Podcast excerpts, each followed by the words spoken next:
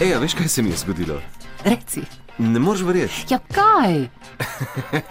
Dej povej že, no, da povej no.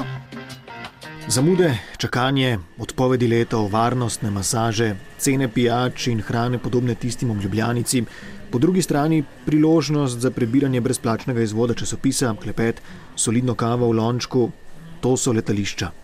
Zgodilo se je v Seattlu na letališču po eni zelo dolgi poti iz Evrope. In to je Denis, pripovedovalec današnje zgodbe. Kaj se mu je zgodilo? Takoj mu dam besedo, zaenkrat zgolj namignem, da nekaj, s čimer ima izkušnje marsikdo od vas, le da v malenkost drugačni izvedbi. Zdaj pa res z letalom proti Seattlu. Zelo dolga pot, tako prav vleče se. Seattle je na tisti drugi strani Amerike in če moraš še nekje v ZDA prestopati, se res pot tja vleče. Ne. Zadnji del je bil 4 ure, 4 ure pa pol iz Washingtona do Seattla. Še ta malenkost pristanejo v snežnem viharju.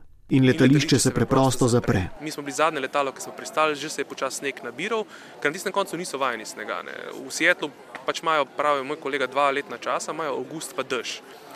In snega ponavadi ni, ljudje imajo letne gume, um, tudi letališče ni opremljeno za neke silne padavine, pa ni ful snežilo. Ne. Tako pač malo je padal sneg, ampak se je očitno že prijemo in takrat so potem, ko smo mi pristali, letališče preprosto zaprli. In vse je takrat obstalo. Nobeno letalo ni več vzletelo, nobeno letalo ni več pristalo.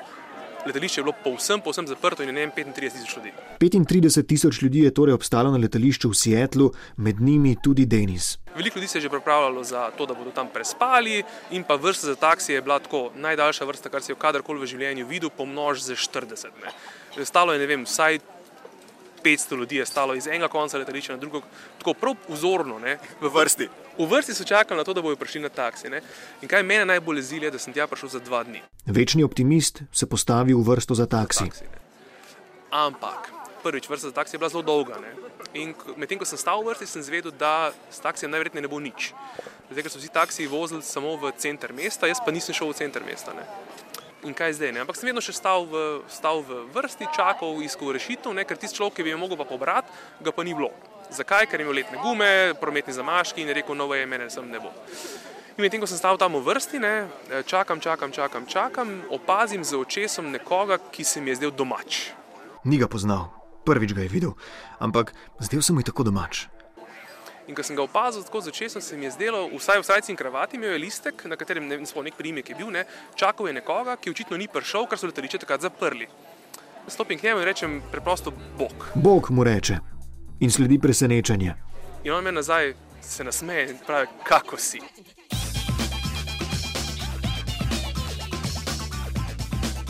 Ujet na zasneženem letališču na zahodu ZDA povsem nepričakovano najde Dragana. In takrat je v bistvu meni bilo, jaz, očitno bomo uspeli z tega letališča priti. E, Mal se zaklepeta, mi razloži, Dragan je bilo ime, doma je bil stuzle. In ga vprašam, če on vozi, pa tako, ja, ja čakam enega gospoda, ampak očitno ga nisem rekel, ja, valjda tudi ga ne bo, ker je letališče zaprto. In on tako že malo jezen, no, klinci, sem pa sem prišel brez vezene. In sprašujem, čuj, kaj pa če bi ti mene pelil, ne? On meni, ja, veš, uf, to pa ne bo šlo, jaz ne vozim taksija, kaj pa voziš limuzino? Dragan iz Tuzle torej vozi limuzino in je ostal brez posla, ker se stranka na zasneženem letališču ni prikazala. Težavo pa je imel tudi Denis. Limuzina stane neprimerno več od taksija, v konkretnem primeru 300 dolarjev. In zdaj dilema. V mesto je prišel poslovno za dva dni, kaj storiti. Naj zapravi noč in del naslednjega dne, nagneten med ostalimi nesrečniki na letališču, ali naj preplača vožnjo do predmestja. Pot v snegu in vestilo, ampak hudičevo draga pot. Bili limuzini. E, črna je bila, črna, tista ti Lincoln Town car, ne, tako prav fancy šmenci narejeno.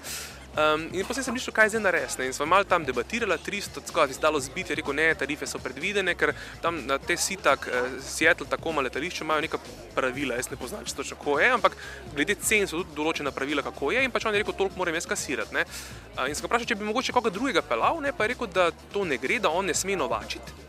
Da taka so pravila pri njih za limuzine, da on lahko preprosto pobere tiste, ki se odloči k njemu iti. Sem rekel, ok, deva razmisliti, kaj bi se dalo narediti. In sem potem ugotovila, da mogoče pa jaz kjer druge zraven dobim, cel kup ljudi zraven, ne? da mogoče potem šlo nekako bi to cenovno skozi prišlo. Ne gremo se vrsta sprašvati. Sprašuje, odziva sprva ni bilo, ampak ustraja. In najde kandidate, ki so bili namenjeni na obrobje Seattla, kamor pa taksi niso vozili. Ampak teh potnikov je bilo kar naenkrat preveč. Skupaj z Denisom sedem, v Draganovi limuzini, zadaj pa je prostora zgolj za šest oseb.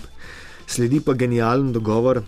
Usede se na sovoznikov sedež. In sem v bistvu ugotovila, da če njim računava toliko, kot računa taksi, oziroma malo več kot taksi, ne, če vsakmu poračunava 50 dolarjev, je to 6 krat 50, je to 300, točno to, kot on rabi in se lahko jaz peljem za ston. In so v bistvu pač v dobri balkanski stari maniri rekla, da to bi bila pa super ideja. In dejansko sem jaz potem z njimi do konca v tem avtu, razvozila sva ljudi naokrog, tam, kar so želeli, vsak mu pokasirala 50 in jaz sem se v bistvu iz letališča, namesto da bi spal s 30 tisoč ljudmi na nekih, recimo, foteljih, sem v bistvu se pel do hotela tja, kar sem želel in to celo za ston. V fancy šmensi limuzini, poznal enega človeka iz bivše juge, smo se fajn zaklepetali, razvozila par drugih ljudi in zdaj smo lahko tukaj, pa se o tem pogovarjava. In tako smo govorili ob kavi. Kakšna pa je vaša zgodba, kaj se je zgodilo vam? Nec.jemec.af na rtvslo.si oziroma v tem trenutku lahko tudi pokličete na nič 1 475 202, kavo plačam jaz, zgodbo poveste vi.